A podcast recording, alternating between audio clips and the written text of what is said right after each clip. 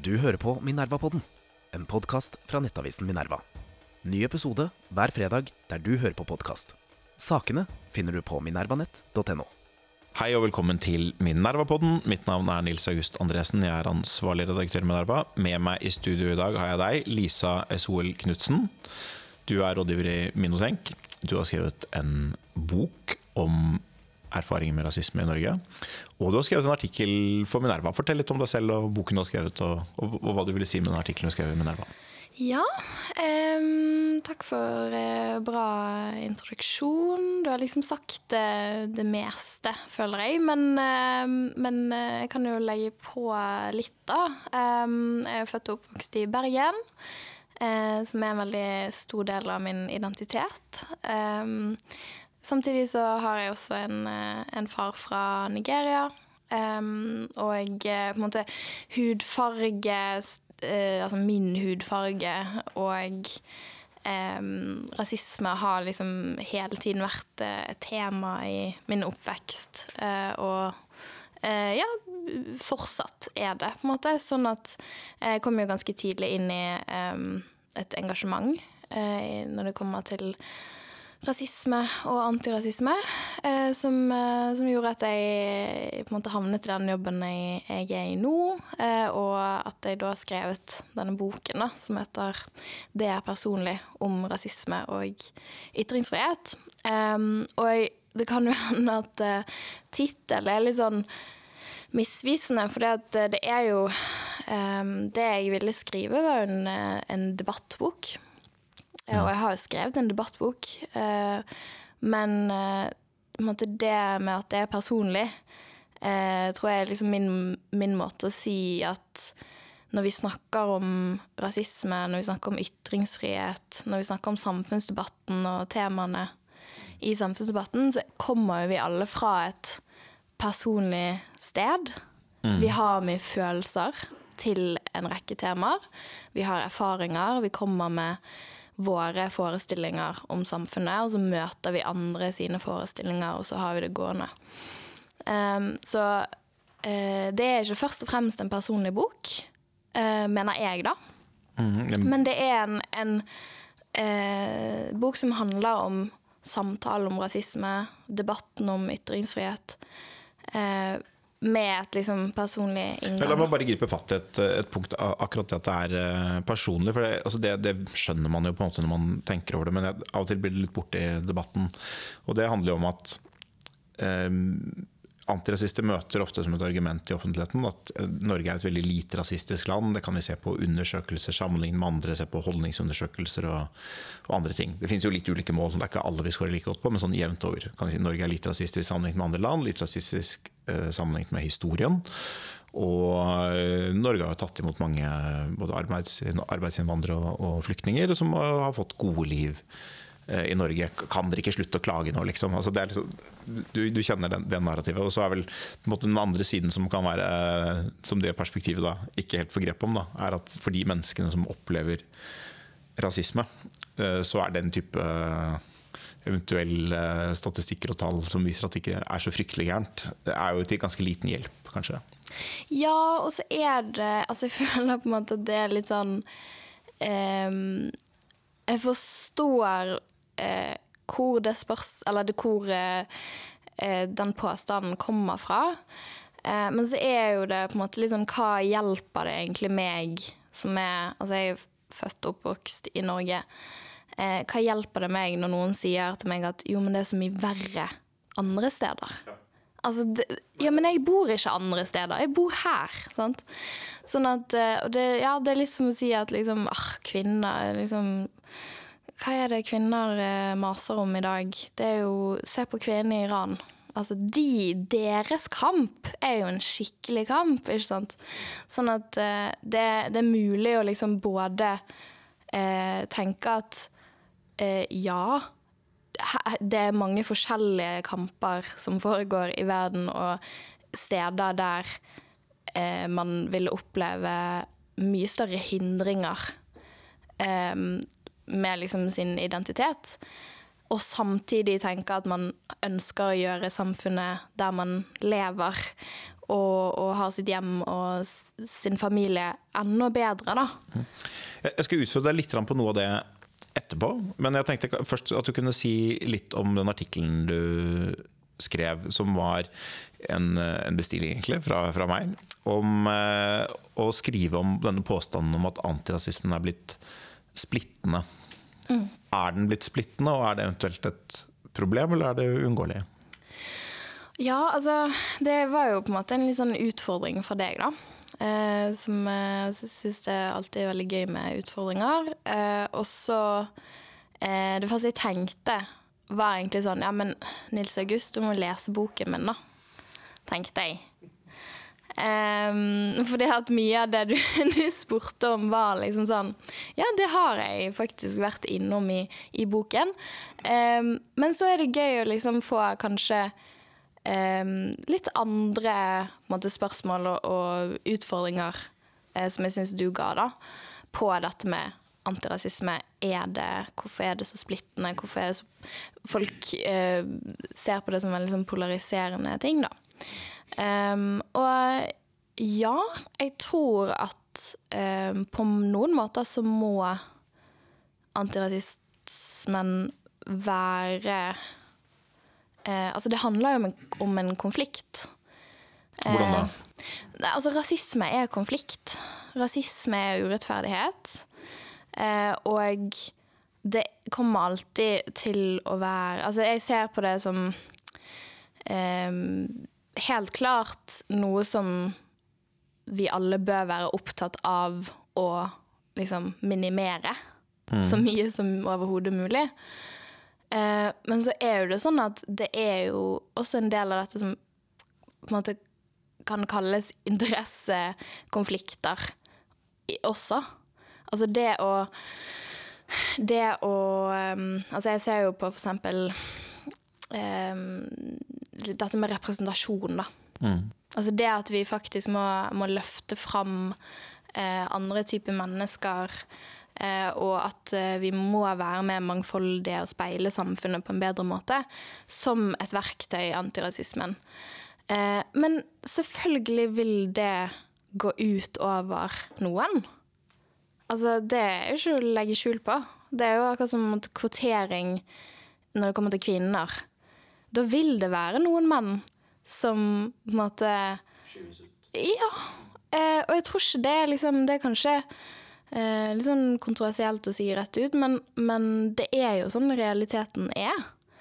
Eh, og så tror jeg at mye bra vil komme ut av det. Eh, og at det, er liksom en skjevhet som som må på en måte eh, ryddes opp i, da.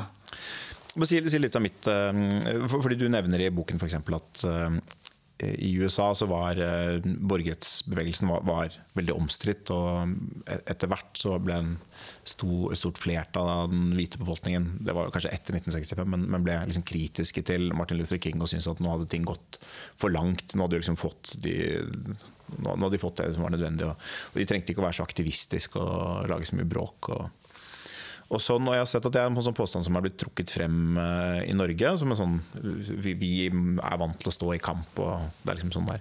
Men, men mitt motspørsmål vil på en måte være at eh, hvorvidt antirasismen bør være kontroversiell, avhenger litt av samfunnet den er i.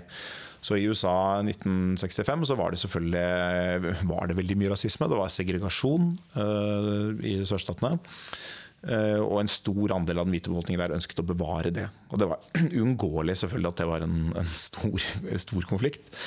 Eh, Men jeg vil si at i Norge det er grunnen til at eh, man ikke hadde, at det ikke hadde trengt å være en konflikt. At jeg tror en, en ganske stor andel av befolkningen er normativt eh, i sin egen forståelse antirasister. Altså de ønsker ikke at det skal være rasisme i Norge normativt. Det betyr ikke at de ikke kan utøve det, eller noe sånt. Og det betyr ikke at det ikke finnes normative rasister, men det er i hvert fall mitt utgangspunkt at jeg tror at det er ganske få. Uh, Litt selvfølgelig avhengig av hvordan du definerer det. Og så har du sånne spørsmål som du snakker om, som representasjon, kvotering og den type ting. Det, det er interessekonflikter. det ene. Der, der vil man få konflikter. Det har man også fått i USA. Men mitt inntrykk er at det er, for det første så er det en konflikt som kan minimeres hvis man finner frem til spilleregler som folk er enige om. Eh, Det, det kan være av typen som man har hatt i kjønnsdebatten. Kanskje moderat kvotering, det kan folk være sånn noenlunde med på. Uh, og så er det et spørsmål hvor, langt man skal gå. Jeg ser at det kan være konflikt her, Men jeg tror ikke hovedkonflikten i Norge står der. Og mitt inntrykk er at uh, antirasismedebatten i Norge har endret karakter en del de siste 20 årene. Og dette er et, litt, et inntrykk, jeg kan ikke bevise det eller belegge det her og nå. Men at for 20 år siden så var liksom, store deler av det liberale sentrum oppfattet seg selv som antirasister og ble forstått som antirasister. Um, mens i dag så er det en mye større del av det liberale sentrum som opplever, de opplever jo selv at de ikke er rasister og ønsker å jobbe mot rasisme, men de opplever at de er veldig på utsiden, ofte i, i strid med den organiserte antirasismen. Og det tror jeg handler uh, ikke bare om interessekamp, men om, om begrepsbruk, ideologiske briller uh, og den type ting. Da. At man har og, og verdensbilder, kanskje. Sånn, er, er, rasisme en del definerte hendelser, av og til strukturer, eh, personer, holdninger som skal bekjempes, eller er det på en måte en total forklaringsramme for staten? Og det er der man ser disse eh, begrepene som man importerer fra USA, som, som selvfølgelig kan ha forklaringskraft i Norge, men ikke uten videre har det. Sånn hvite privilegier, strukturell rasisme, som er blitt mye viktigere del av antirasismen i offentligheten enn det var for 20 år siden. Men, ja, jeg vil liksom utfordre det litt også, fordi jeg tenker jo eh, jeg, jeg, er helt sikker på at det var mye lettere å være antirasist for 20 år siden. Um, rett og slett fordi at man ikke trengte å forholde seg så mye til disse spørsmålene. Jeg tror sant, Hvis du ikke har en offentlighet der det fins en Kamzy, eller det fins en Abid Raja, eh, og, og en, som, der liksom eh, Kamzy blir, blir, leder for 17. mai-komiteen, ikke sant? Så er det veldig enkelt å på en måte ta avstand fra rasisme. For du, må, du, du møter ikke liksom du, du, føler ikke at du må ofre noe. Altså, du må ikke ofre en tanke om liksom hvordan, eh, hvordan Norge er eller har vært, eller at vi liksom blir mer og mer mangfoldige. Eh, og at en som på en måte har røtter et annet sted, kan være leder for 17. mai-komiteen. Mm. Eh, Sånn at jeg tror at noe av det handler om at vi er så mange flere som har kommet eh, og, og det, det, er takket være de, anti, de veldig få antirasistene eh, altså, som, som sjøl hadde innvandret, gjerne som studenter, som, som førte en skikkelig hard kamp, da, og sto liksom virkelig Um, de fikk mye dritt. De fikk liksom sinte folk. Hva var takket være det? Nei, det er takket være, være de, da, at vi nå er eh, en ganske stor gjeng med, eh, med antirasister som snakker fra personlige, personlige erfaringer. Eh, og som, som, egentlig har eh, Ja, vi stadig flere liksom, premissleverandører, da. Jeg, jeg, er ikke sikker på Jeg er ikke uten videre overbevist av det. Eh, får bare ta det først, skal vi spole litt tilbake etterpå. Men altså, jeg tror du, du har jo stadig vekk du har stadig fått flere med minoritetsbakgrunn inn i politikken. Også. Du nevner Abid Raja og Kamzy. Du har hatt no, noen før dem også. Um, jeg er ikke sikker på om de har kommet inn i politikken pga. Liksom denne formen for antirasisme. Eh, jeg, det, det, skal de få lov å, å, ha meninger om selv, selvfølgelig også. Men, men det er et komplisert spørsmål. Det er ikke, det er ikke åpenbart. Altså, det forutsetter måte, at det har vært store barrierer for denne persontypen mennesker før. Men realiteten har både vært at uh, denne type innvandring i Norge er et ganske ungt fenomen. Uh, og det er først måte, med altså Du hadde Afshan Rafik og, og sånn, men det er på en måte først med den generasjonen født rundt 1970 at det er folk som har vokst opp i hovedsak i Norge, har en utdannelse som er relevant, har engasjert seg i politisk arbeid fra ganske ung alder, kommet inn i strukturen og fått de mulighetene. Og da har de, er min erfaring at de ofte har blitt løftet frem, eller i hvert fall ønsket velkommen, av et ganske bredt flertall. Og litt, det er litt det samme når du sier, for, for, det er et godt eksempel. da Kamzy, folk reagerte da hun ble leder for 17. mai-komiteen. Var det i det tilfellet at hun tidligere Frp-representanten gikk ut husker- Kronisk norsk. ja, kronisk norsk var det kanskje. Det var kanskje det. Ja. Eh. Så det er åpenbart at du, at du har det. Ikke sant? Men mitt inntrykk er at det, den demografiske bekymringen på en måte som du skriver, at noen, noen mennesker blir bekymret fordi demografien i landet endrer seg raskt. og Stortingspresidenten og det ene med det andre liksom endrer, eh, endrer seg, og det syns man er skummelt. Det tror jeg er veldig reelt. Og det er på en måte en, en del av innvandringsdebatten og, og alt dette. Men, men mitt inntrykk av den type uttalelser som du kan komme det er jo det er jo på en måte rasisme, og det er jo eh, enkelt å på en måte få veldig stor oppslutning om det. Det store flertallet er nettopp antirasister i den betydningen av det. De, noen av dem er sikkert litt bekymret for at ting endrer seg, men jeg tror, de, jeg tror et stort flertall av befolkningen vil liksom være med og si sånn Nei, ærlig talt, selvfølgelig er Kamzy en god nordmann og en god representant for Oslo. Liksom, Varaordfører i byen, og dette er kjempebra. ikke sant? Jeg tror jeg har, ikke, jeg har ikke sett målinger på det, men jeg, jeg, jeg, tror det at det er et ganske stort flertall. I hvert fall så opplever jeg at veldig mange av oss som er liksom helt selvfølgelig som må Kamzy være leder i 17. mai-komiteen. Vi er allikevel liksom på utsiden av denne organiserte antirasismen. Det er på en måte ikke de samme gruppene.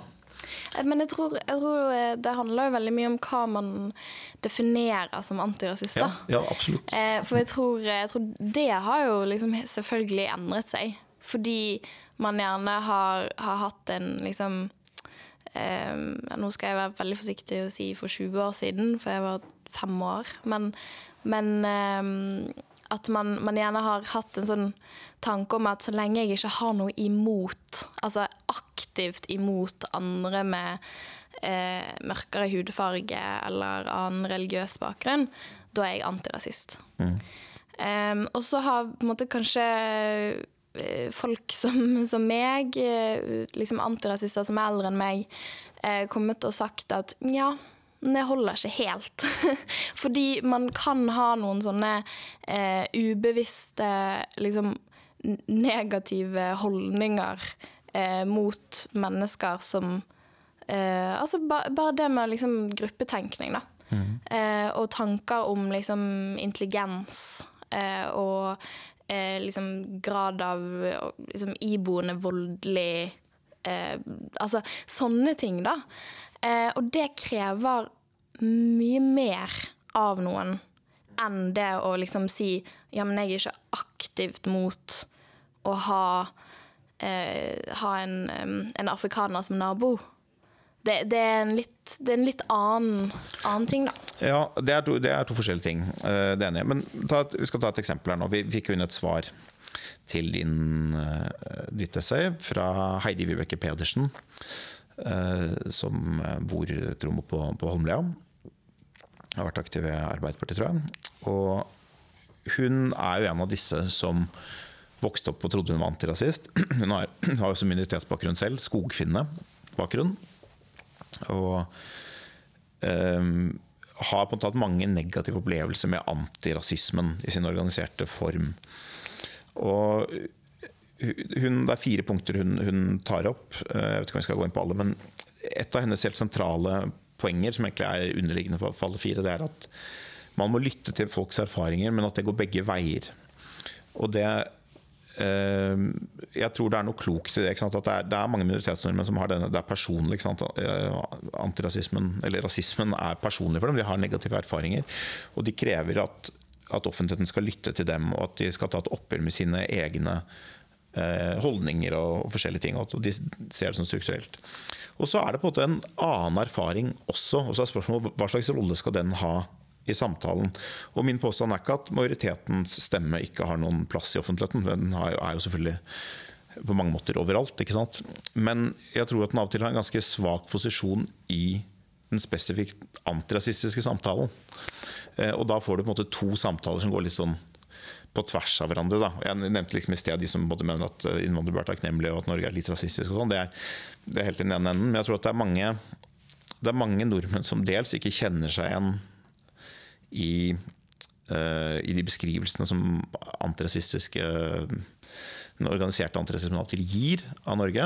Eh, og, det, og det er ikke liksom bare sånn 'jeg kjenner meg ikke igjen', men det kan også være her er man uenig om tolkning av fakta eller data og, og en del andre ting. Og hvordan man skal forstå erfaringer og, en del andre ting. Og det, og det gjelder både nordmenn med og uten minoritetsbakgrunn, som kan være enig eller uenig i det.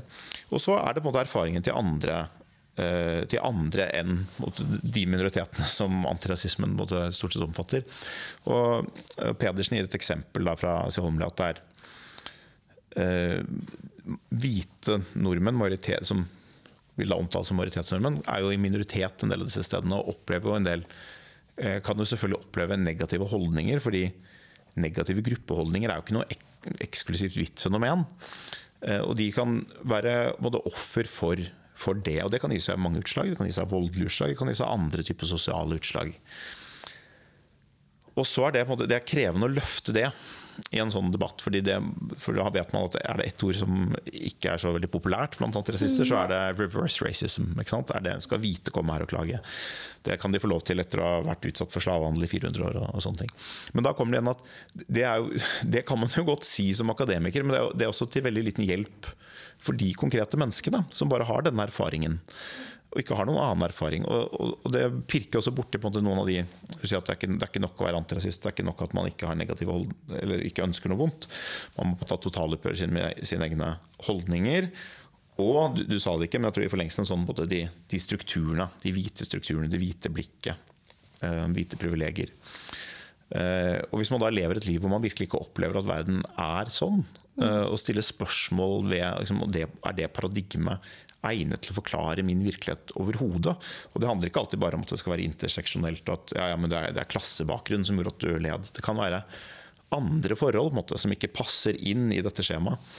Og, og det tror jeg liksom, Den samtalen krasjer ofte. Den, eller den, det, er, det, er, veldig sjelden jeg ser måte, gode samtaler da, mellom folk som har Her er min erfaring, og her er min erfaring. De går liksom ikke gjennom den, den, den muren som er i de forskjellige narrativene. Organiserte antirasismen og, og, disse andre erfaringene. Uh, det, det her var mye, det var mye. Mange, mange, knagger. Men eh, ta det, det, første, kanskje, som jeg tenkte på, var eh, det med liksom, Hvem skal man lytte til? Hvem skal få definere ting? Um, og, og det uh, Det er Det er uh, liksom Som du sier, da, det, det, er ikke noe sånn Vi blir ofte veldig sånn generelle i disse, og, og på en måte maktanalyser og sånn. Det vil aldri passe 100% med, med virkeligheten. Men sånn som jeg ser det, da, så, så tror jeg det er veldig mye eh, Når det kommer til antirasismen, så er det veldig mange liksom, spørsmålstegn vi setter ved antirasismen som vi gjerne ikke setter andre steder i den offentlige samtalen. Okay, jeg kan ta et eksempel, da. Mm. Um, det er f.eks. ingen som, som stiller spørsmål ved at når vi skal ha en samtale om fattigdom, og hvordan det oppleves, og hvordan det rammer, mm. så inviterer vi mennesker som opplever fattigdom til å snakke. Jeg gjorde i hvert fall på debatten nå. Det, ja, vi, har, vi, har, ikke alltid ja. gjort det. Ikke alltid. Men jeg vil jo, jeg vil jo si at, at, det å da, da, ringer vi liksom ikke Olav Thon eh, og, og, forklarer og liksom skal liksom, du, Hvordan er det å være fattig, tror du? Mm. Det handler litt om, om, de, som, ja, de som har levde erfaringer mm. med det. Um, bør i stor grad Jeg sier ikke liksom at alt skal være liksom fritt, eh, på en måte. Men i stor grad få definere hvordan det er, da. Um, og, og, liksom leve i, i, den kroppen, eller leve i den fattigdommen. Um, og så er det jo selvfølgelig sant, noen forskjeller når det kommer til sant, klasse, og, og, der er det også mange som, som har um, måte, kritisert antirasismen fordi eh, man ikke fokuserer nok på klasse. Eller at man ser at ja, men, eh, liksom Klassekampen, eh, det var en bedre kamp, på en måte. Eh, men, men, for eksempel, da, så er jo det sånn at man kan klatre når det kommer til klasse. Du kan, du kan gå fra én klasse til en annen klasse. Eh, men man kan ikke bytte liksom hudfarge. Nei, der, der jo, dette er jo sånn typisk sånn rødt uh, siden av Venstre. Mimir Kristiansson eh, Venstre. Uh, altså at man drømmer om eh, den gangen arbeiderklassen favnet at det var den store kampen. Jeg, må si jeg, jeg skjønner det litt i en viss forstand. Jeg tror påstanden er litt annerledes. Også påstanden er noe som måtte ikke fanges av denne interseksjonelle tanken, men at hvis man for sier at klasse har eh, større forklaringskraft eh, enn eh, i Norge da, en etnisitet. Eh, Så, så vil, hvis det er tilfellet, i den grad det er tilfellet, så vil det være argument for å si at eh, eh, at det er en mer effektiv kamp, og at en del av de tingene som ser ut som om det er eh, ser ut som det handler om etnisitet eller rase, egentlig handler om klasse eller om noe annet. Ikke sant? Så det er det ene. Men så en annen forskjell dette med fattige. Altså jeg, jeg, jeg, jeg er helt enig at man skal lytte til dem det gjelder. Eh, og det, det mener Pedersen også, bare så, så det er sagt. Som Påstanden er mer at man må lytte til flere. Og og det gjør vi for seg når vi har diskusjoner om fattigdom, så lytter vi til, til de som er fattige. Men hvis vi skal si ok, de innfører masse skatter for å gjøre noe med det, da lytter vi til næringslivet også. Eh, Eller, eller til de rike. Ja. Så, så man lytter på en måte til alle sider. Men jeg tror det er en, en annen forskjell der at en del av hendelsene som inngår i beskrivelsen av, eller grunnlaget for å forstå rasismen, er omstridte på en annen måte enn liksom det å måle inntekt. At du kan si denne personen har så mye å leve for. Det, det kan vi høre hva den personen har å si om, og så kan vi høre hva SSB sier om hvor, mye, hvor mange kalorier du får kjøpt. Liksom. Altså, og, og deler av antirasismedåtene er også sånn. Vi, vi prøver å forske på ting, og vi ser på diskriminering i arbeidsmarkedet og boligmarkeder, og vi prøver å finne tall på noen ting.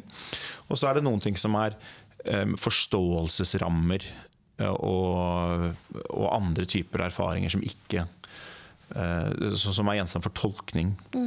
Eh, og, som, og som involverer majoritetsbefolkningen. På en måte. Sant? Det er det, det at det- rasisme involverer to parter. Jeg tror, jeg tror du- er inne på noe veldig essensielt der. Fordi eh, det som er kanskje noe av det største dilemmaet eh, En av de mange eh, i den antirasistiske kampen, eh, er jo på en måte liksom At vi er nødt til å snakke til og med majoritetssamfunnet. Fordi det er, de, det er de som sitter med makten. Det er de som kan gjøre endre... Vi, vi kan ikke gjøre dette alene. Um, samtidig som at man man, man, må, man, man må på en måte være liksom pedagogisk og eh, gjøre ting på en måte på en litt, sånn, litt mer sakte, liksom i gåsetegn naturlig eh, framskritt. Men så er det også den eh, Det også det, det vi sitter med, er jo at eh, dette handler om eh, å heve livskvaliteten til ganske mange folk. Eh, til de vi på en måte fører denne kampen for, ikke sant? Eller med. Um, sånn at, og det er to liksom, Ofte så kommer de litt i clinch. Og, jeg tror, og den store jobben blir å liksom kunne klare å bal balansere de to. Eh, og sånn som jeg ser det, så uh, Jeg tror i min artikkel i Minerva så er, er jo jeg med på å liksom uh, si at ja. Jeg er helt liksom Helt enig i at man kan eh, si ting som kanskje ikke er så smart. Man kan eh, liksom støte noen folk eh, fra seg av og til. Man, eh, man kan være for hard. Altså med på liksom å, å ta en, en del av de eh, innrømmelsene. Eh, men liksom til, til slutt så sier jeg også at vi må også kunne kreve noen ting. Og vi må også kunne liksom ehm, stå på Stå på det vi, vi tror er, er rette veien, da. Um, og akkurat nå så, så føler ikke jeg at det er for stor avstand i Norge, og på en måte Nå er jo liksom det er en bred bevegelse, man kan ikke Jeg kan ikke snakke for Det er ingen som på en måte har valgt meg for å snakke for noen, men, men ehm, jeg ser på en måte ikke at, at, eh, at det nå er så konfliktfylt at vi ikke kan eh, komme, komme videre, da. Nei, Det kan denne du har rett i i Norge. Altså det, er som du sier, det, er jo, det er tross alt en relativt bred bevegelse. Det er et interessant spørsmål om man kjemper på vegne av noen eller med noen. Vi kommer litt tilbake til det. Men i Norge er det jo det er ganske mange ulike uttrykk for antirasismen. Liksom et av dem har vært Antirasistisk Senter har vært liksom én type tydelig aktør. Har, så har du noen grupper som er organisert av eh, ulike minoriteter spesifikt. Og så har du sånn som Minotenk, som er en hva skal jeg si, en mer eh, Nå håper jeg ikke fornærmer noen, det kommer jeg til å gjøre. En litt mer moderat aktør. Det var veldig gøy. I noens øyne. eh, men, i noen ja. Ja, jeg vet ikke. Men, men, eh, men det er i hvert fall et spekter som gjør at det er, det er ulike, ulike typer bekymring som tas opp. Og noen av dem deles veldig bredt, og noen av dem er mer konfliktorienterte. Men i sum så, så går det på en måte noenlunde greit. Men dette har blitt et tema, den bekymringen, selvfølgelig delvis fordi man, man ser alltid med, med skrekk og gru til, til USA. hvor en, en type bekymring, da, for dette er, sant, den, denne polariseringen. Det er litt det du sa, sant, at hvis man ikke snakker til majoriteten, så er problemet at majoriteten besitter jo selvfølgelig veldig mye makt.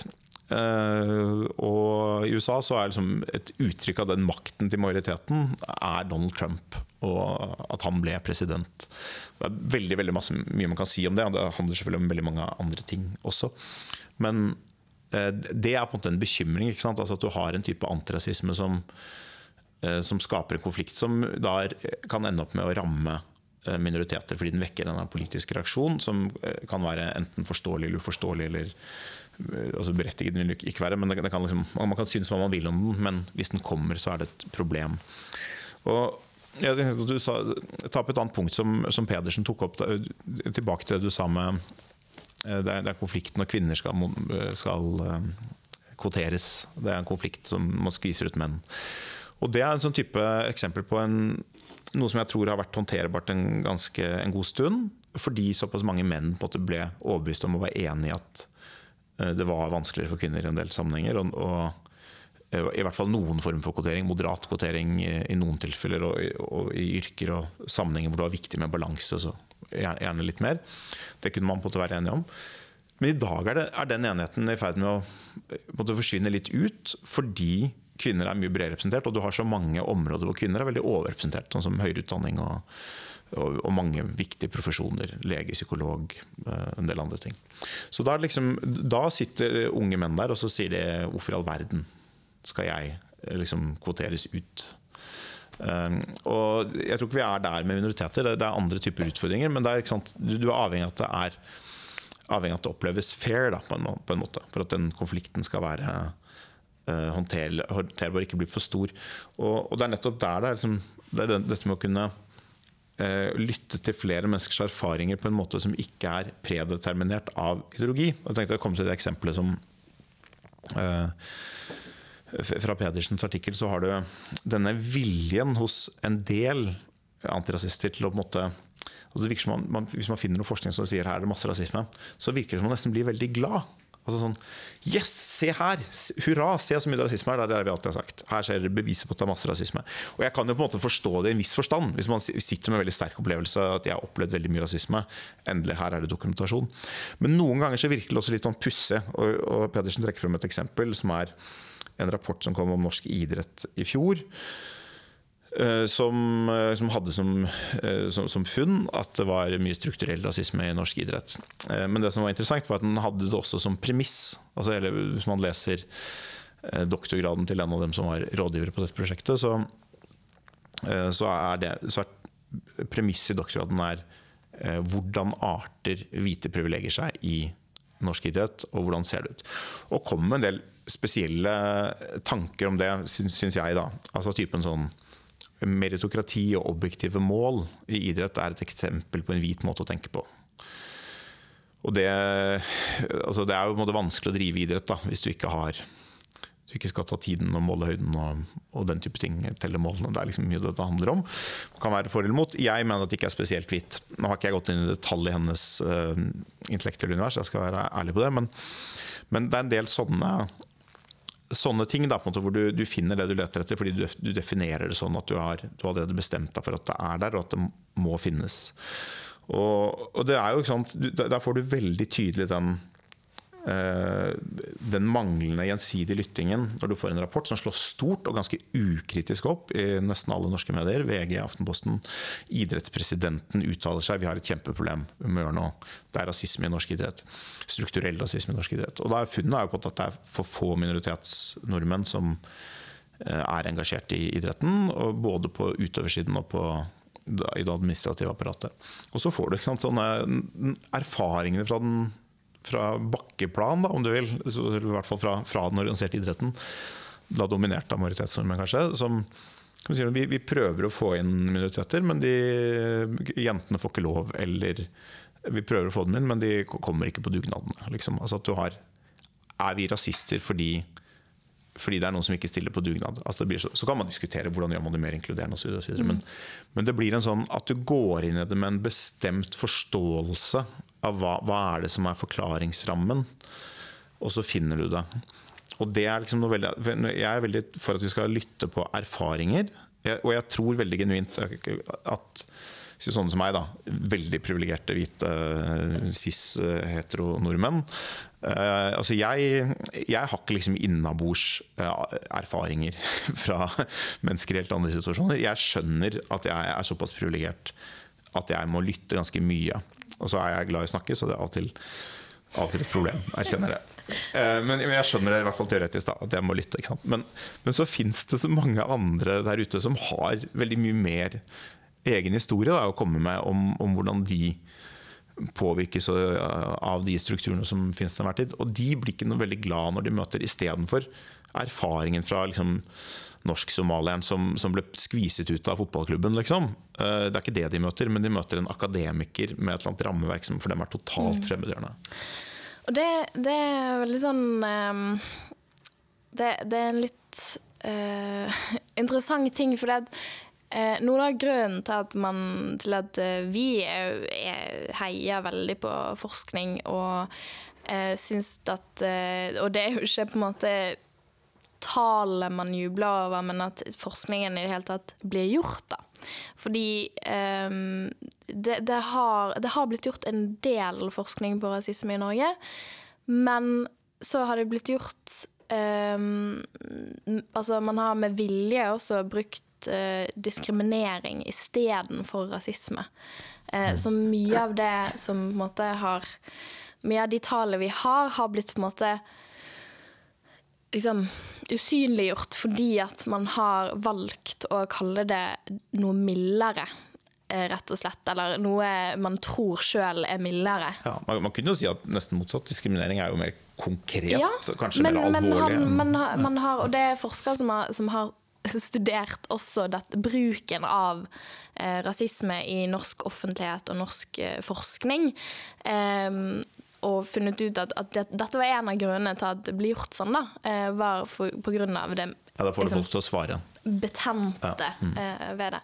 Men, men, ehm, men det, det, som er interessant, er jo at eh, man sjøl gjerne har sittet med den opplevelsen av at min enkelthistorie er ikke nok for å få endring.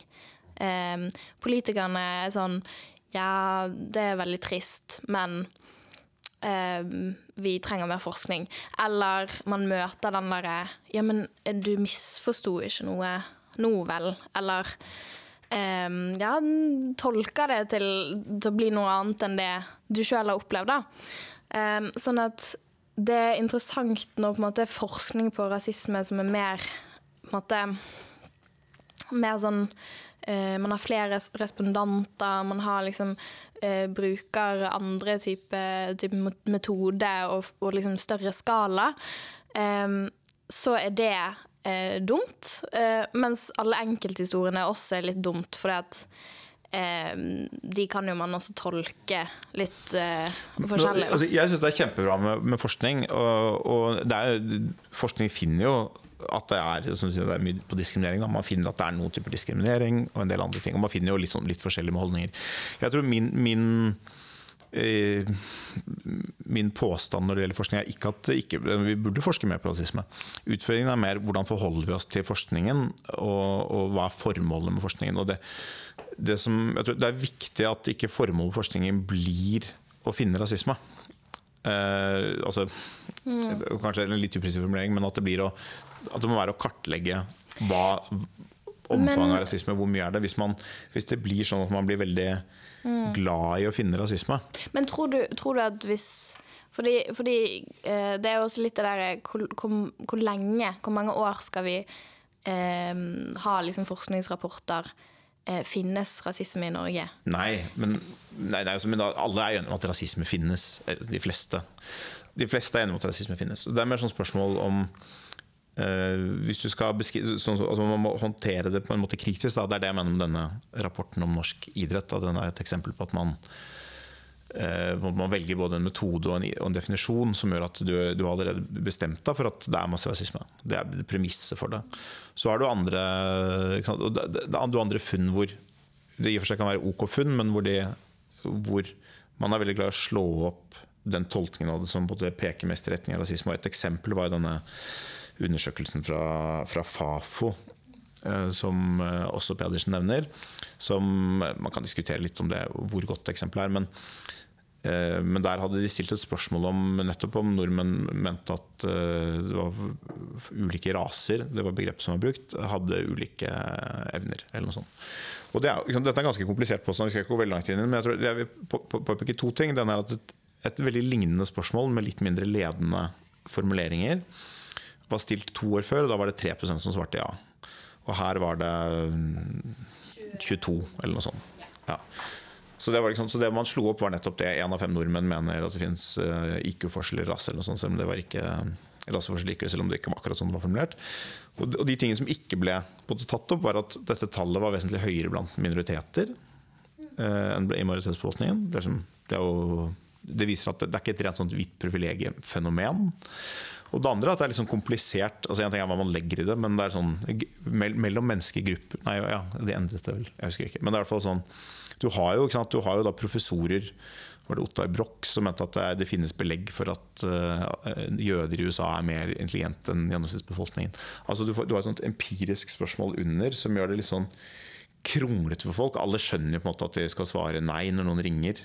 Men Ja. så har de sett på hjernevask da? Og så, eller et eller annet, og så har de lyst til å det er, liksom, det det er et komplekst mål for rasisme, og det var ikke egentlig ment som et mål på rasisme i den rapporten. Det var ment som en proxy for om folk var villige til å diskriminere, og det var de. Holdt jeg på å si. Altså De som svarte ja, de var mer villige til å diskriminere. Så, så det måler at det er noe der, ja, det som jeg tror er interessant. Men det er liksom at det er, mange av disse spørsmålene er litt sånn De er litt grann komplekse. eh, og så er det, det er vanskelig å få frem. Man, man liker å slå opp sånne Mediene liker godt å slå opp sånne store funn. Én av tre nordmenn er rasister. Det er liksom en sånn Ja, og, det, og akkurat det, det Det som jeg syns er utrolig og interessant, og jeg tenker vi må snakke mye mer om, er jo den, den sårheten som ligger i rasisme som begrep, da. Og, og bli kalt rasist. Altså, jeg nå eh, Tidligere denne uken så har jeg brukt to dager på å Sammen med en kollega, da, og, og eh, holde liksom forelesninger om rasisme og rasismeundervisning for lærerstudenter eh, og PPU-studenter. da. Eh, flere som har jobbet i skolen tidligere. Og det verste de kan oppleve, er jo å bli kalt rasist. Og da må vi spørre oss sjøl liksom um, Hva er det som ligger i det? Hvorfor er det sånn? Uh, og kan, liksom, hvilke hindringer kan det skape, da? Ja. Når vi er så livredd for å, å bli, bli kalt det. Uh, Men- jeg tror jo det handler veldig mye om at vi rett og slett har hatt et veldig snevert syn på hva rasisme er. Altså Vi har tenkt, og vi har blitt lært, at det handler om apartheid eller segregering i USA. Eller holocaust. Eller holocaust. Ja, mm. Men det er, jeg er litt enig, fordi jeg tror jeg egentlig delt sett skulle ønske meg et rasismebegrep som var litt av typen at jeg liksom kunne si jo da, jeg er nok litt rasist også, i den forstand at eh, jeg tror de aller fleste av oss har eh, Vi har en eller annen form for gruppe um, Kall det fordommer. Noen ganger etterdommer. Altså det, er, det er jo ikke sånn at alle opp, stereotype oppfatninger av grupper er gale. Det er jo litt viktig også å si. Det, det, er liksom, det er vanligere at pakistanere spiller cricket i Norge enn uh, at uh, andre grupper gjør det. Det er liksom et faktum. Uh, men eh, hvis det hadde vært en påstand om at man har noen sånne Man lider under noen sånne eh, gruppetenkningsmekanismer som er ganske typiske for mennesker, eh, og av og til agere på det, kanskje, bevisst eller ubevisst, eh, så kunne man jo snakke om at vi er, er rasister alle sammen. Så vi hadde fått den diskusjonen om omvendt rasisme, selvfølgelig. Er det da et meningsfullt begrep? Fordi minoriteter har også gruppeforståelser. Men jeg tror en av utfordringene er at man, man må på en måte bestemme seg litt i debatten. Er rasisme et superalvorlig og ondt fenomen som ødelegger samfunnet, river det fra hverandre, ødelegger livet til minoritetsnordmenn, og er det, er det verst i verden? Eller er det noe som alle mennesker egentlig eh, måtte har mer eller mindre av? Eh, Men kan det på en måte være litt av begge deler? Kanskje, men det er For vanskelig. jeg tror Ja, det er veldig vanskelig, men jeg tror Sånn som jeg syns jo også det er liksom eh, litt eh, Ikke så veldig interessant for meg sånn å kalle individer for rasister. Altså jo, det finnes noen sånne ideologisk sånn aktivt vil ha liksom rasistisk politikk eh, og strukturer, men det er sånn Det er en forsvinnende liten prosent, heldigvis. Um, men jeg vil jo si at rasisme som fenomen er jo liksom det er ulogisk, det er ødeleggende for folk, det er dårlig for samfunn, demokrati, bla, bla. Um, men det er jo noe, liksom Jeg har inkludert meg sjøl, noe som har påvirket meg, eh, og, og tankemønstre og eh, holdninger om folk som, som har måte påvirket hvordan jeg tenker. Eh, og hvordan jeg tenker om andre mennesker, og om liksom andre verdensdeler og folkegrupper. Eh, sånn at jeg tenker Kan det være liksom en, en dum ting, en vond ting, som vi vil ha bort, men samtidig noe som vi liksom alle kan sitte med, da? Ja, altså, det, det finnes jo mange Mennesker er jo et fallent vesen. Jeg tror vi, det finnes jo masse ting som alle mennesker har, som vi allikevel prøver å, å minimere. på en måte. Det er ingen tvil om. Selv om de tingene som både ligger veldig dypt psykologisk i alle mennesker det er ikke sånn, de, de klarer kanskje ikke å utrydde, men det kan vi minimere.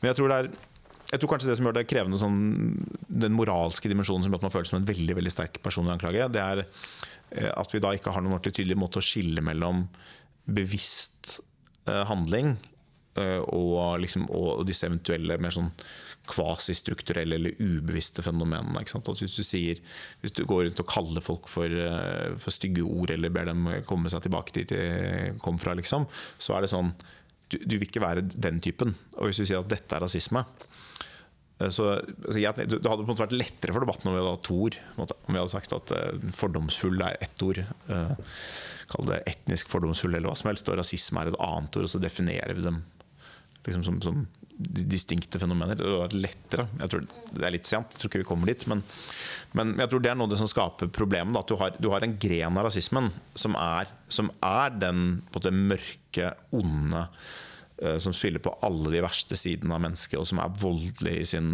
sin natur i en viss forstand. Den har en, den har en rangering av mennesker som er eh, som er veldig Enten Enten er implisitt eller eksplisitt, så er den veldig grunnleggende for som, som en handlingsmotivasjon. Og så har du en som folk, folk prøver så godt de kan. Og jeg, synes det, det gode eksempelet er fra er det 'Nissene på låven' eller de julekalenderne hvor du har den snille SV-læreren som er, som er superfordomsfri. Og så er det Zaid Ali stiller, spiller en av, en av nissene. Han er bystyrerepresentant for, for Høyre, tror jeg. Og så for, skal de snakke og bli kjent, da, og så spør de sånn ja, ja, jeg lærer i ungdomsskolen, og, og hva er det du gjør for noe? Så, ja, nei, jeg er eh, bystyrerepresentant for Høyre. Og og da sier den SV-læreren klarer liksom ikke å hindre seg at det kommer ut. Er sånn, Å ja, ja, ja, det er noe annet enn å selge kebab! Eh, Ja. At du, liksom, du sitter med disse Du har noen forestillinger da, om hva, hva mennesker driver med, og så blir de utfordret, og så glipper du ut av det gærne ting. Liksom. Og, det, og det er jo sånn liksom, Det å jobbe med fordommer, og det, eller, å, eller å endre folks konnotasjoner, er egentlig noe det Ja. handler om. Og det er jo et liksom langtidsarbeid. Og så er jo det på en måte en, en stor sånn eh, viktig dimensjon av dette handler jo også om eh, opplevelsene som minoriteter sitter med. Eh, og at man, man eh, Jeg syns Sumaya har skrevet veldig mye bra om det i det siste. At rasisme er en sånn Det er en spesiell type livserfaring som sitter med deg. Altså når du har opplevd noe eh, liksom traumatisk, eh, så er det noe som som kan utvikle seg til traumatisk stress, men også bare en sånn minoritetsstress som du går rundt med. Og uansett om eh, folk går rundt med liksom gode intensjoner og, liksom, og bare vil være nysgjerrig og spørre hvor er du fra, liksom, mm. så, det, så, vil det liksom trigge et sånt minoritetsstress. Mm. Sånn at det blir en sånn Og uansett hvor du er i verden, eh, hvis du er på en flyplass, så vil du alltid tenke Oi, sjekker de meg mm. litt mer fordi jeg er svart, på en måte. Mm. Eh, sånn at jeg tror vi må også snakke mye mer om den delen. Mm. La oss snakke litt om minoritetsstress. Det veldig, det er, et veldig viktig ord, som er, liksom, som er det ordet som jeg tror sånne folk som meg ikke skjønner intuitivt. Uh, nå skal jeg kritisere det litt allikevel, men, jeg, men jeg, tror, jeg, mener, jeg, mener, helt genuint at det, det, er veldig viktig å skjønne det. At hvis du har noen uh, erfaringer, så, så, skal det det mindre til før du igjen kjenner på den følelsen at nå blir jeg ekskludert igjen. Nå blir jeg igjen ikke sett som norsk, eller nå blir jeg igjen igjen stå på en måte uten eh, fotfeste, hjemland, hjemsted, tilhørighet. Den type ting. Men jeg tror no, noe av utfordringen er også at det er eh, eller jeg tror Det er en kjempestor utfordring. Jeg tror nordmenn bør lytte til den. La Det liksom være, det er egentlig hovedkonklusjonen. Men så er en nyansering av det. og det er at det er Samtalen om det blir av og til vanskelig likevel når vi begynner å snakke om disse mikroaggresjonene.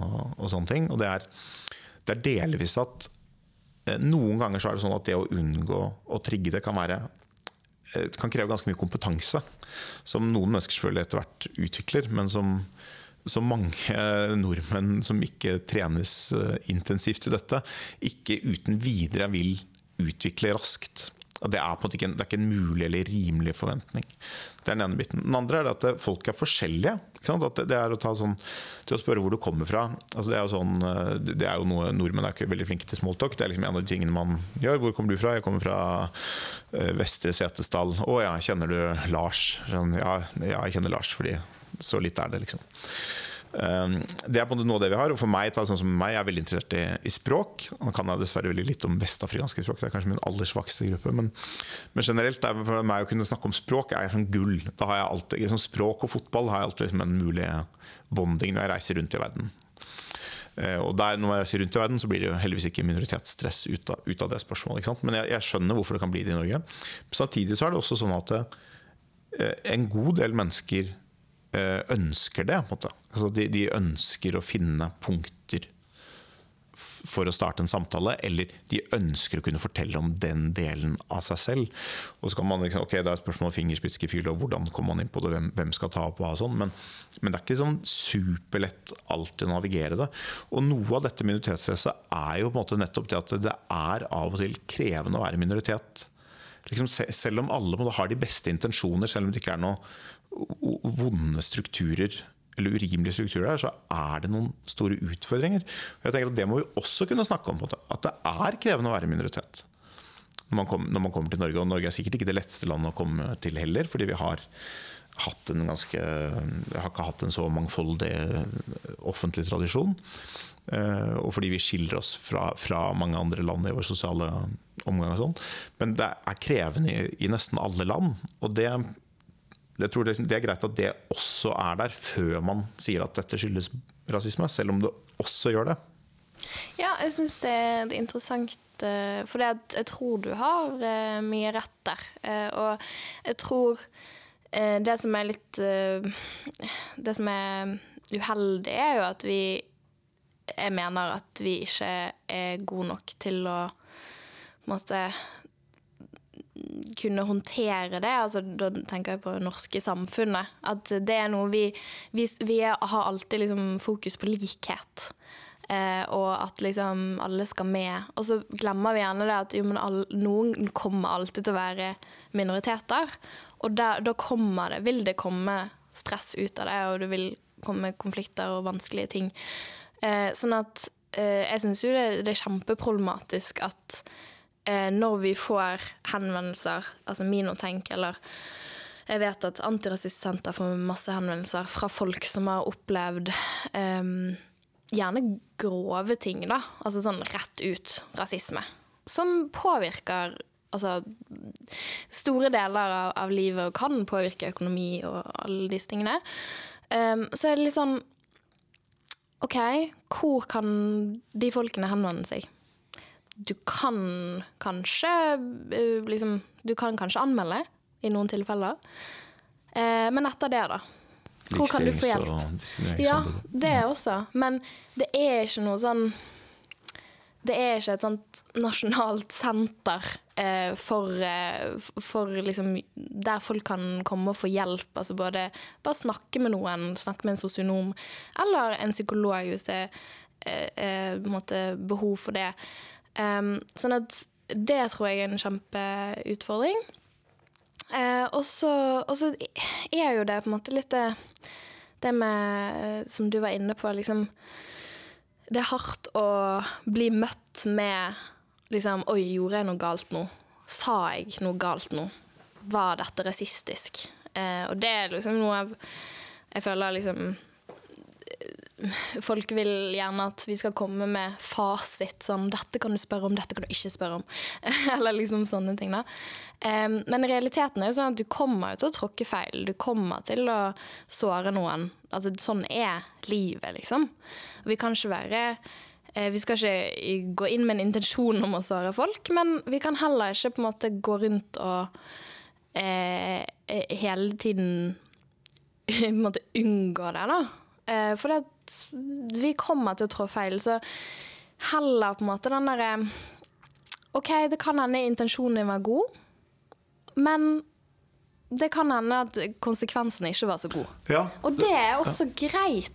Det er greit. Jeg tror det som er utfordringen, jeg tror det hadde vært lurt å ja, altså Mikroaggresjoner kan defineres på ulike måter, og noen av dem er kanskje en ryddigere måte å definere på. Men, men noen ganger så tror jeg det kan være dumt å definere henvendelser som ikke har noen hensikt, eller som er i en viss forstand objektivt sett potensielt rimelige, og i noen sammenhenger fungert bra, men som gir dårlige resultater. At det er dumt å definere det som en mikroaggresjon. At vi på en måte kan finne av og til andre moralsk mindre ladede begrepet for å beskrive noen av de utfordringene vi har eh, mellom minoritet og majoritet. Fordi det er, det er, litt det som, tilbake til det som er utgangspunktet her, at hvorfor er det sånn at en, min tese, da, at en større andel av av mennesker som selv tenker at de er antirasister, føler seg fremmedgjort fra den antirasistiske bevegelsen. Og det jeg tror det er fordi det er at det brukes så mange moralsk ladede begreper hvor de er veldig usikre på hvor de selv faller. Altså, ingen, har, ingen, har, lyst til å være Selv om de prøver.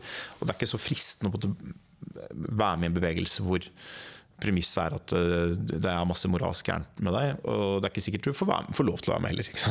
Er ikke, ikke, hvis, du ikke blir, hvis du ikke da bruker de termene riktig eller er helt enig i konsekvensen av dem, så er du heller ikke sett på som, som eh, et annet ord som jeg ikke er så glad i, en alliert. Også tatt fra USA. Liksom allied. Du kan være Black Lives Matter, eller du kan være allied hvis du er hvit. og Da, du, da har du en spesiell plass, da, liksom en litt underordnet plass, men en spesiell plass i det hierarkiet. Og, og, det tror jeg er sånn Det er selvfølgelig en måte å gjøre det på, men da vil du få veldig mange som Ok, de passer ikke i den rollen. Da er du på utsiden.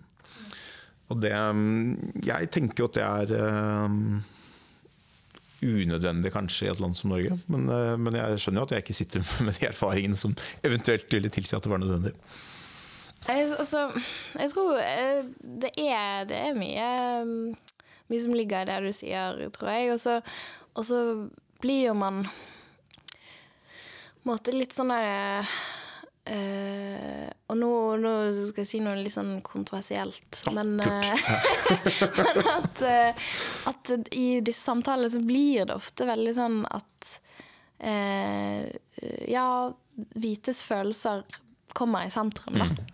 Det er liksom Jeg må sitte her og betrygge mm. noen om at sånn Nei, du er ikke rasist, du er ikke et ondt menneske. Um, og, det, og, og, det, henger jo mye sammen med at liksom eh, Ja, vi må ha med folk på lag og, og liksom sånne ting. Um, og, det, og vi skal høre på hverandre. Men så tenker jeg også det at det er en sånn kneik jeg tror mange må komme litt over, rett og slett. Og det er det ubehaget som ligger i dette temaet, da. Ja, altså, nå, dette er jo, nå er vi inne på white fragility-debatten. Um, men jeg er jo litt ambivalent til Jeg syns ordet er um, eller, Ja, det er jeg òg. Bare sånn for Men- å Ja, nei, Si men, det. men jeg skjønner hva du mener. Jeg- Nå er, nå er, jeg, dette er jo en samtale hvor utgangspunktet er om antirasisme er splittende, og da, da blir det en del fokus på hvitfølelse. Men jeg, jeg er på en måte enig med deg, også i og for seg når det gjelder denne samtalen, at det blir eh, At antirasismen i en viss forstand da ofte i deler av den offentlige debatten havner på på defensiven. Såret vi noen hvite følelser nå? Og det er jo dumt. Det er jo ikke det antirasismen burde handle om. Det er ikke det, det, er ikke det debatten burde handle om heller. Og så er spørsmålet hvorfor er det det blir sånn? Eh, og det har mange grunner. Altså, det er jo på en måte noen som er Deloffentligheten er mer mot enhver form for antirasisme av ulike grunner. Det kan være på en måte emosjonelt kvasirasistiske eller rasistiske type holdninger, som jeg, som jeg tror i og for seg er altså, utbredt nok til at det spiller inn i offentligheten, selv om det ikke er et flertall av befolkningen. Eh, eller det kan være at man enhver er seg selv nærmest og på en måte har fokus på, alle har fokus på sine egne følelser. Men jeg tror det jeg, grunnen til at jeg allikevel velger å ha en sånn samtale, da, det er at jeg tror at det er um, Jeg tror ikke det finnes noen vei ut av det, akkurat sånn som det er nå. Altså, for jeg tror at så lenge det, og igjen, Norge er bedre enn USA, og det, og det foregår en god del god samtale også. Og mener sånn når, når Sumaya Jirdali har, har sine opplevelser og skriver under på Facebook, så, så, så lytter man til den erfaringen uten å sentrere den hvite opplevelsen. En stund, i hvert fall. En stund, en liten stund. Uh, en liten stund ser man det. Så, så man, det er en vilje til å, til å lytte, men jeg, men jeg tror Jeg opplever i hvert fall at i møte med en bestemt form for antirasisme, uh, som er denne måte, teo, mer sånn teoretiserte antirasismen, som når jeg hører den måte ikke ordentlig fremstår som en refleksjon av levd liv. Det fremstår som eh, en veldig teoretisk overbygning som inneholder både filosofiske og empiriske påstander som man må ta stilling til, og som jeg ofte er uenig i. I møte med, med den antirasismen eh, så vil jeg også så, så vil jeg protestere. Og i den, i den forstand så vil jeg sentrere måte, det hvite, et hvitt perspektiv. Da. Og spørsmålet er på en måte Kan eh, Klarer vi å finne en antirasisme som gjør det lettere å lytte til minoritetsperspektivet? Jeg, jeg tror det vil være veldig eh, avhengig av hvem du spør, da. Tror jeg. Jeg tror noen, noen vil nok være litt mer mottagelig for den akademiske, altså den mer sånn maktkritiske, eh, rasekritiske eh, inngangen til faget. Men, men så tror jeg også at det er jo noe med det mm, med måte opplevelser, levd liv um, Følelsesmessige Altså menneskelige historier da, som trigger det menneskelige i oss. Sånn at det er på mange måter um, gjenkjennelig og, og kanskje lettere å ta inn over seg, da, fordi um, det er Altså mye av det akademiske er veldig liksom ikke lett tilgjengelig. Uh, og, og ja, til og med kanskje elitistisk, på en måte, da. Uh, men sånn er jo det på en måte også i eh, altså økonomifaget og i en del andre ting. Men min innvending er ikke at altså Jeg tror du har rett at det, det appellerer jo uansett ikke på samme emosjonelle måten. Altså, sånn sett har det en smalere appell. Men min innvending er jo ikke at det er eh, elitistisk. Jeg er jo glad i elitisme her i Minerva, i og for seg, men, men det er mer at, det er, eh, at jeg er uenig. Eller at det, er, det ligger så mye politisk der som, eh, som handler om andre ting. Og det, det jeg tror jeg er en farlig retorikk av, eller en uklok retorikk av og til i den delen av den antirasistiske bevegelsen. Er liksom hvis folk bare hadde liksom skjønt det vi skjønner, lest det vi har lest, eh, educate yourself, eh, og kom tilbake når du har liksom lest deg opp, eh, det er veldig dumt. Man forutsetter at her sitter det en slags kanonisk forståelse av dette temaet. Og du bare tar sånne slagord som brukes i den, den delen av bevegelsen, så er det sånn ingen antirasisme uten antikapitalisme.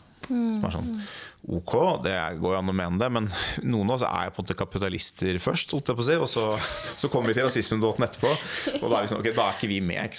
Da får vi bare være på andre siden. Da. Vi, Ja. Hvis du sier vi, vi, kan, vi kan ikke ha mangfold i samfunnet uten samtidig å avskaffe kapitalismen, så blir det sånn Okay, Ja, for det der blir din identitet litt krenket igjen. Selvfølgelig. Jo, selvfølgelig. Men, men, men, men, jeg, det handler ikke bare om Det handler på en måte om at dette er en analyse jeg er veldig uenig i. vi er uenige på om så mange premisser at dette ikke går. Ikke? Og hvis premisset blir vi, må, vi kan ikke ha den typen liberal-demokratisk markedsøkonomi som vi har. Hvis vi også skal ha mangfold, så blir det sånn ok, da er det kanskje et mål å ha minst mulig mangfold. For dette blir veldig liksom Skal vi ha kommunisme da fordi vi har mangfold? Altså det blir sånn Det er ikke sikkert de vil mente akkurat det, men, men dette springer jo ut fra en marxistisk uh, marxistiske slagord på 60-tallet, som i dag Ja. liksom har fått en fornyet jeg tror jeg, jeg, måte, jeg tror jeg ser litt annerledes Eller sånn eh, Ja, litt annerledes enn deg på kapitalismen. akkurat- Ja, nei. Altså, egentlig Jeg Gud. eh, Jeg er ikke for å liksom avskaffe kapitalisme Altså, herregud. Eh, Men Og jeg er absolutt ikke sånn veldig belest i akkurat liksom den delen av som jeg tror du eh, peker på i liksom antirasismen globalt eller USA og sånn. Um, men sånn som jeg oppfatter noe av den kritikken, da, den kapitalistiske kritikk, eller antikapitalistiske kritikken, handler jo også litt om på en måte uh, at, uh, at uh, liksom rasisme har em, Altså rasisme og kapitalisme historisk, og sikkert også i dag, har hengt så utrolig sammen, da. Eh, altså det, det er jo på en måte Rasismen, sånn som jeg ser det, ble jo født ut av at man, ja, at man trengte en man trengte å rettferdiggjøre kjøp og salg av mennesker og erobring av eh, liksom land og varer og folk. Liksom for å fortsette på den Eller Altså, utvide kapitalismen. Grådighet og rasisme henger sammen. Ja. Og så er det om, du skal kalle det, om hvordan man definerer kapitalisme, blir et annet spørsmål. Men Ja. jeg, jeg kan skjønne hva det springer ut av. Men, ja, men, men, når- men jeg tenker jo ikke at i dag Jeg tenker at nå har vi dette systemet som vi har, og det, det er mange, masse svakheter i det. Men jeg tenker jo ikke at da må vi heller prøve å forbedre det, eh, ikke kaste det på sjøen, på en måte. Um, så det blir litt for radikalt for min del, da. Eh, men, her er men det jeg kan minora- moderate minotenk igjen. Nei, ikke kall meg moderat. Nei. Men jeg tror, jeg tror det er litt det der med Det, det er også en veldig sånn stor motivasjon for meg å, å skrive om dette temaet, var at blant annet Eirik Løkke, som jeg egentlig har en veldig sånn god tone med, da, har en tendens til å si at liksom Ja, men vi må, ha, vi må snakke med innestemme, og vi må eh, liksom eh, ja, det, vi må være liksom sentrum, og vi må liksom Og sånne ting, da. Og, og det syns jeg er så, det er så urettferdig, da. Fordi at Ja, men det er noen av oss som på en måte ikke kan bruke inne Vi må bruke utestemmen, for at vi blir ikke hørt på noen annen måte. Eh, og det er veldig Det, det er en sånn det er ofte en privilegert posisjon å kunne plassere seg sjøl i midten, da. Absolutt. Skal jeg si noe om det hvite blikket og, mine hvite privilegier? Eller jeg tror hvordan hvite privilegier kan forme forståelsen av denne debatten. Eh, Fordi jeg tror den bekymrede sentrumsliberale posisjonen som på en måte er, veldig bekymret for eh, i en viss forstand for rasisme at det skal gå galt. Hvis de ser på verden i dag, så er det måte, det de er bekymret for, er sånn Donald Trump. Den type fenomener. Og derfor, Det er derfor dette kommer, denne innestemmesaken. Nå, nå må vi ha innestemme, sånn at ikke liksom gærne aktivister dytter hvite arbeiderklassevelgere til eh, radikal trumpisme. Og det er jo på en måte logisk altså, jeg, er en enig i en, del av den analysen. At det er, eh, det er lurt om en del av disse eller det hadde vært fint om en del av disse kulturkrigsspørsmålene, som er både liksom kjønn og migrasjon og etnisitet og, og kulturdebatter, religion, eh, om de var mindre betente, så ville det antagelig svekke oppslutningen om autoritære høyrekrefter, eller autoritære krefter generelt. Og det hadde vært bra også for minoriteter. Ut, øh, og, men utfordringen er litt at vi det er litt sånn at vi, vi skjønner på en måte sånn, ja, disse stakkars hvite arbeiderklassefolka de blir jo selvfølgelig så sinte når de hører så mye om, om strukturell rasisme i norsk idrett. Som jeg også blir litt sint for, da, men ikke så sint. Eh, eller liksom denne type ja, du har hvite privilegier, så sitter de der eh, med en alkoholisert far, og altså, så blir de sure. Det skjønner vi, mens vi måte, kanskje ikke skjønner det sinnet som er hos, og den utålmodigheten som er hos eh, nordmenn med minoritetsbakgrunn som ja, er født og vokst opp her og ikke, ikke, skal stå med lue i hånden når de opplever urett. Så, så, jeg tror at det, det er jeg, jeg, tror ikke det er realistisk å liksom, fjerne sinnet i debatten uten også å jobbe med Eh, de tingene som bidrar til sinne. Men jeg tror, det, så, så, så, det har jeg på en måte aksept for. Jeg har aksept for at folk som har erfaringer, skriker ut. Eh, derimot så tror jeg på en måte at mange, mange andre i debatten måte, kan, kan burde eh, kanalisere det sinnet inn i liksom, i mer dialogorientert politisk arbeid. Og det er på en måte det, det, er, det er et premiss i en viss forstand for det liberale demokratiet at man klarer å ta sinne, som fins overalt. Uh, enten det er liksom trumpistisk sinne eller uh, andre sinner. Noen, altså noen, ganger så er grunnene til sinne liksom helt uh, onde eller helt urimelige. Det er, alt, det er, ikke alt, man klarer å gjøre noe med, men, men ofte kan man gjøre noe med det. Arbeiderklassen er et eksempel. Altså, veldig mye sinne blant arbeiderklassen i byene Eh, av forståelige grunner. Sånn. Ikke alltid så lett å gjøre noe med, men av forståelige grunner. Og på slutten av 1800-tallet begynnelsen av 1900-tallet. Og det ble kanalisert inn i politisk arbeid. En stund så ble det noen steder ble det revolusjonært. Altså, det, ble, det, ble, det forble sint. da. Det ble, forble veldig sint. Mens i Norge så kom det i hvert fall etter hvert inn i liksom sosialdemokratiske former og ble en produktiv politisk kraft. Eh, og da ble den også transformativ i en viss forstand. Og, og det er jo på en måte målet med Eh, med antirasisme. Og det, det, opplever jeg bare for å ha sagt det, så opplever jeg at de antirasistiske organisasjonene i Norge gjør jo på en måte det. Altså, det er ikke sånn at uh, Det er ingen som tenker på Minotenk eller Antirasistisk Senter som sånn eh, kjempesinte. Eh, så, men jeg, det er en sånn interessant dobbelthet hos meg.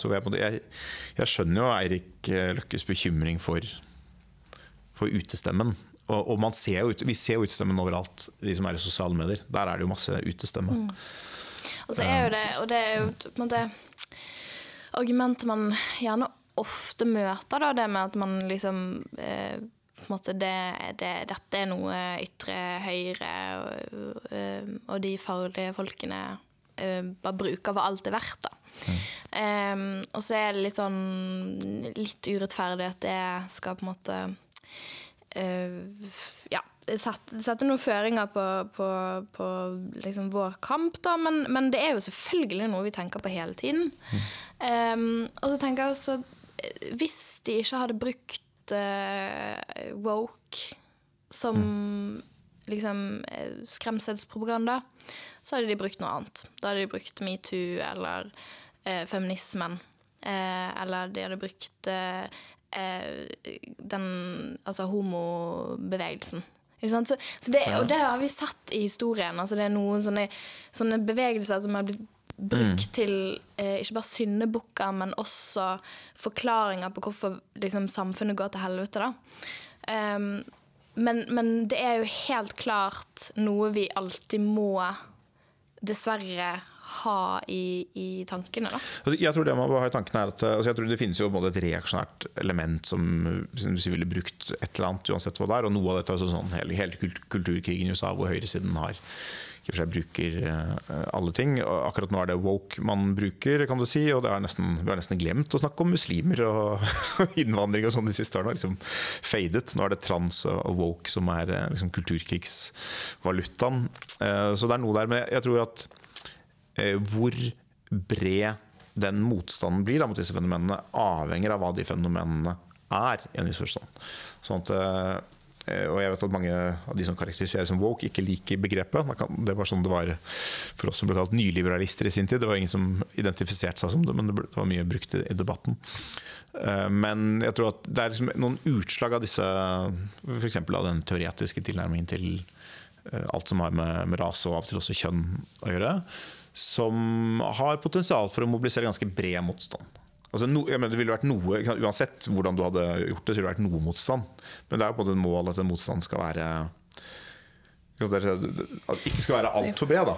Eh, Både av hensyn til å få gjennomslag, men også altså, s- s- hensyn til liksom, samfunnsdebatten. det, og det er jo på en måte også noe av det som er liksom vanskelig med dette, er jo at eh, man kan Altså jeg kan sitte her og, og snakke om eh, antirasisme som, som jeg kjenner antirasismen, og så i morgen så kan eh, Subjekt publisere en artikkel der de har funnet én litt sånn rar fyr som har eh, liksom sagt noe Noe teit om eh, liksom ja, rasisme eller eh, om hvite folk, liksom. Og så der er, der er antirasismen. Sant? Sånn at det er jo også litt, litt den, jeg tenker mediene har også liksom De, de Ja. har en, en, eh, et ansvar i dette, og, og så må vi også liksom være litt um, ha, ha i tankene sånn OK, hvor representativ tror vi denne personen er for um, denne bevegelsen?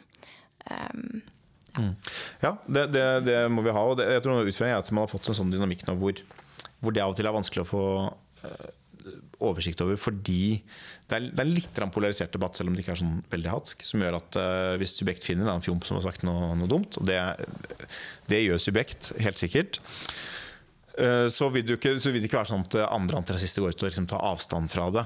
Altså Klimabevegelsen gjorde det liksom til slutt litt motvillig da de fant en som var villig til å bruke vold. Så måtte de liksom si ok, det var for langt.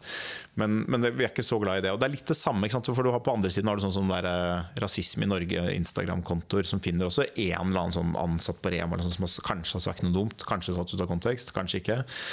Eh, Men noen ganger så finner de selvfølgelig ekte ting. Eh, Men da blir det også sånn at eh, si, de, som ikke, de som ikke er antirasister, da, de er sånn, istedenfor å ta avstand fra den rasismen, så blir det litt sånn Å, herregud, er det dette antirasistene holder på med nå? Sånn at da for den andre siden får liksom inntrykk av å ja, dette er liksom greit, dette er akseptabelt. Er dette representativt? Så får man liksom den dynamikken. Men jeg, jeg er enig med deg at jeg tror at vi Det er nok mange på begge sider som har både inntrykk av at eh, det er mer spisset og mer ekstremt enn det det kanskje er.